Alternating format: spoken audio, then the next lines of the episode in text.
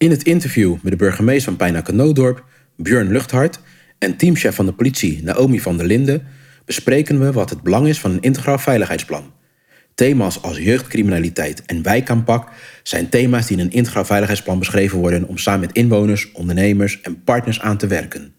Want je wil de veiligheid en leefbaarheid in de gemeente hoog houden. Het interview is in aanloop naar de veiligheidsconferentie van 16 november, waar de gemeente samen met inwoners, ondernemers en partners verder bespreekt hoe het Integraal Veiligheidsplan 2023-2026 eruit moet komen te zien.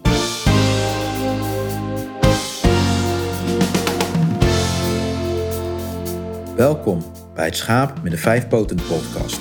In deze podcast ga ik in gesprek met inspirerende personen die als alleskunner een bijdrage leveren aan een leefbare en veilige buurt, wijk, stad.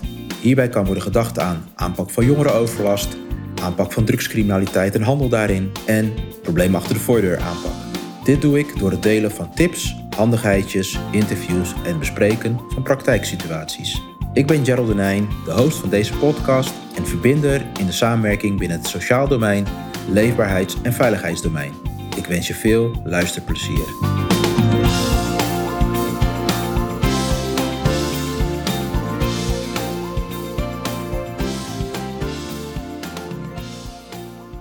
Welkom in de podcast Het Schaap met de Vijf Poten. Ik ben in gemeente Pijnakken Nooddorp bij burgemeester Björn Luchthart en teamchef van de politie Naomi van der Linden. Volgende week woensdag, 16 november, vindt de veiligheidsconferentie plaats.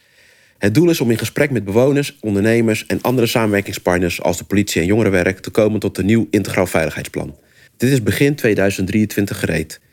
In aanloop naar de veiligheidsconferentie geven de burgemeester en de teamchef van de politie antwoord op een aantal vragen in deze podcast. En de allereerste vraag is: wat is eigenlijk nou een integraal veiligheidsplan? Nou, dat vind ik een hele goede vraag. Dat is eigenlijk een strategisch plan waar de gemeente haar doelen en prioriteiten heeft vastgelegd op het terrein van veiligheid. En vanuit de politie, hoe kijken jullie tegen het integraal veiligheidsplan aan zoals de burgemeester het verwoordt? Ja, het is belangrijk dat we daarin uh, samen optrekken. Dat we gezamenlijke doelstellingen hebben en ook een gezamenlijke aanpak. Dus daar zit voor ons de grootste prioriteit.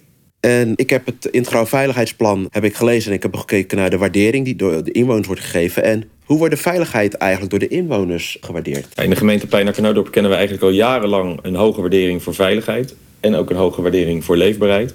Ja, en de inzet van de afgelopen jaren heeft een stijging van de waardering uh, opgeleverd. Dat is mooi. En, en, en, en hoe wordt het concreet gewaardeerd? Kunt u daar een voorbeeld van Zeker. We hebben natuurlijk uh, rapportcijfers. Rapportcijfer uh, veiligheid is uh, doelstelling een 7,5. En daar scoren we in Pijnacker op een 7,8. Ja, dus dat is eigenlijk heel mooi. We hebben twee meetinstrumenten. Het IVM, die ja. pakt een 7,8. En de Lemon is nog iets mooier zelfs. Daar kom je uit op een 7,9. En daarbij moeten we denk ik toch de opmerking wel maken... dat veiligheid, veilig voelen niet hetzelfde is als veilig zijn. Nee, want wat is eigenlijk het verschil daartussen? Je, je veilig voelen, dat is hoe je het ervaart wanneer je in een gemeente woont. Ja. En veilig zijn, dat betekent dat er ook zaken kunnen zijn waar je niet van op de hoogte bent. Als het bijvoorbeeld gaat over ondermijnende criminaliteit, wat er dus wel is. En dan is het niet per definitie zo dat je ook veilig bent. Misschien een hele gekke vraag, want ik hoor uh, de term ondermijnende criminaliteit. Even voor mijn beleving, wat is dat nou precies? Het klinkt echt als een, een Griekse mythologie. Ja, nou dat is eigenlijk een uh, term die wij binnen de politie ook gebruiken. En waar de bovenwereld gebruik maakt van, of de onderwereld gebruik maakt van de, de bovenwereld, dus de legale wereld, om hun criminele activiteiten te kunnen verrichten. En dat, het blijft nog steeds een klein beetje vaag voor mij. En wat is, kun je daar een voorbeeld van geven vanuit de politie? Nou ja, een voorbeeld is het openen van een, uh, een, een kapperszaak. Ik noem ja. maar even een voorbeeld. Waarbij je uh, een bestemmings- een, een, vergunning krijgt om uh, activiteiten te verrichten. Namelijk het, het knippen en het verzorgen van haren. Maar waar je ondertussen andere activiteiten verricht om, om geld binnen te krijgen. Zwart geld. Ja. Ik kijk nu heel anders aan tegen kapperszaak opeens. Ja, dat, dat zou zonde zijn. het is een voorbeeld. Okay. Maar dit zijn wel de zaken. Horeca is daar ook een voorbeeld van. Er zijn verschillende gelegenheden die gebruikt worden om ondermijnende activiteiten te kunnen verrichten. Nou, dat vraagt dus best wel ook wat, niet alleen van de politie, maar ook van inwoners en, en andere partners om goed daarop bedacht te zijn, denk ik. Zeker, en het begint eigenlijk al bij de vergunningverlening. Dus ja, absoluut, uh, daar uh, moet aan uh, op verschillende momenten en door verschillende actoren heel scherp op, op zijn. De afgelopen vier jaar is er geïnvesteerd in, in een aantal thema's. Waardoor het gewaardeerde cijfer wat ik net hoorde, zo hoog is. Wat 7, zijn die 8, 7, ja, 9, ja. mooie cijfers. Wel, welke thema's zijn dat? Veilige en leefbare wijken en kernen. Het verminderen van jeugdoverlast, alcohol en drugsgebruik. En de aanpak van ondermijning, waar je het net over hebt. Ja, ik hoorde het. En als we het hebben over het thema jeugd, wat moet ik eigenlijk daarbij voorstellen? Nou, wat je in Pijnakker ziet, is dat we van oudsher toch wel een heel gemoedelijk dorp eh, zijn. Zowel Pijnakker als Noodorp. We zitten wel ingeklemd tussen natuurlijk de wat grotere steden. Ja, en je ziet die grootstedelijke problematiek ook steeds vaker in eh, de gemeente Pijnakker Noodorp terugkomen. Ja, een zeer recent voorbeeld is uh, de parade. Waarbij rivaliserende jeugdgroepen met elkaar nou ja, nog net niet op de vuist gingen. Maar dat, dat is grootstedelijke problematiek en die zie je meer. Want ik hoor de term grootstedelijke problematiek. U gaf aan het op de vuist gaan tussen rivaliserende groepen. Wat is nog een ander voorbeeld van grootstedelijke problematiek ten aanzien van jeugd?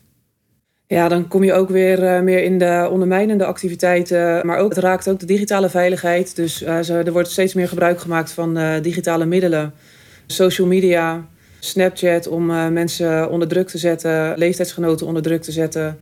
Sexting is daar een voorbeeld van.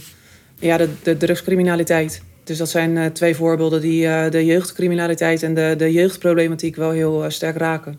Ik ben zelf vader van een dochter van 11 en als ik dit nu zo hoor, schrik ik er eigenlijk best wel van. Want ze zit op Snapchat. Dus ik krijg bijna het, het gevoel of het idee van ik moet haar gaan controleren. Is dat een juiste handelswijze? Nou, ik zou dat niet direct zo adviseren. Ik zou dat zelf ook wel doen als ik een dochter had van 11 jaar. Ja, dus ik zie echt wel de risico's van Snapchat. Het is een hele snelle manier van communiceren. Ja een manier waar ouders vaak inderdaad niet van op de hoogte zijn en waar jonge kinderen die nog beïnvloedbaar zijn ook wel onder druk gezet kunnen worden en beïnvloed kunnen worden.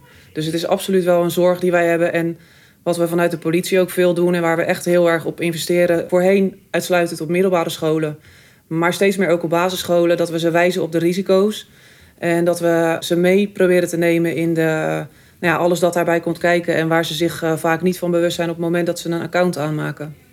Nou, dat klinkt in ieder geval uh, uh, goed om te horen dat ook de politie zich naar het onderwijs richt. Dus dat is, uh, ja. ik niet van tevoren op dag, moet ik eerlijk zeggen. En ik, eigenlijk voel ik me ook gelijk aangesproken als ouder, dat ik ook een rol heb dus. Absoluut, ja. Ja, ja daar, daar begint het. Ja. En dan kijk ik toch even met de schuin nog naar de burgemeester. Want waar mogen de inwoners, ondernemers en samenwerkingspartners de burgemeester dan op aanspreken? Ja, de burgemeester is natuurlijk een zelfstandig eh, bestuursorgaan voor de openbare orde en de veiligheid.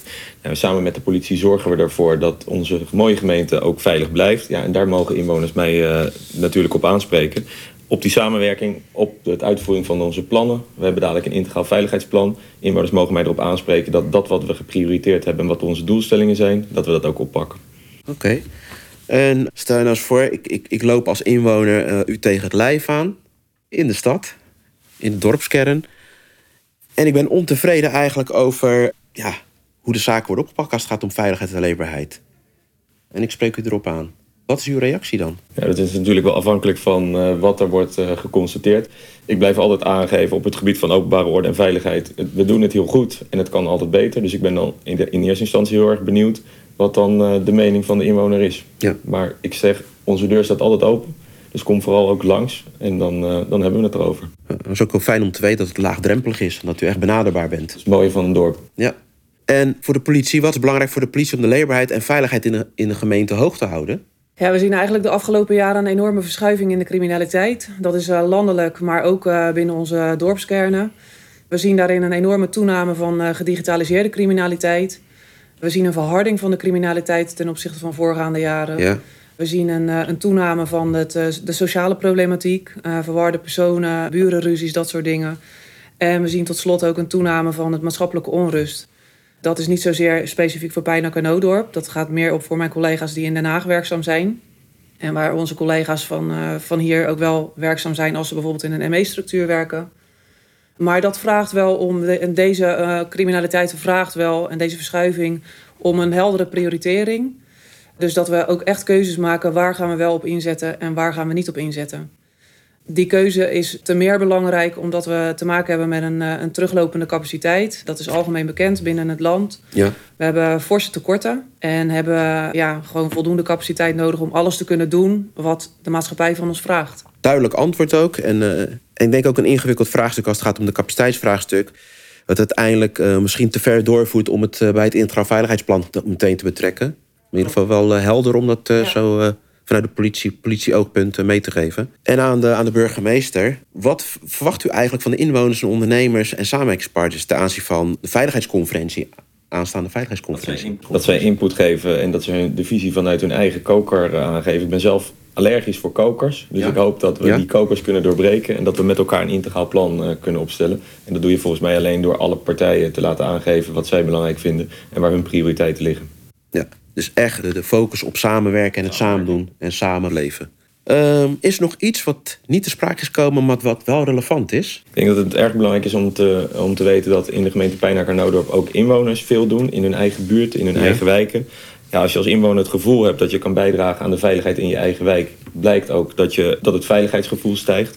Ja, ik hoop dat inwoners dat de komende tijd ook gewoon blijven doen. Dat is, is zeer belangrijk. Zeker. En vanuit de politie? Ja, daarvoor sluit ik eigenlijk aan bij wat de burgemeester uh, aangeeft. We hebben onze wijkagenten en dat zijn echt onze eerste ogen en oren die uh, nou, eigenlijk altijd in de wijk aanwezig zijn. Korte lijnen hebben met inwoners en uh, ondernemers.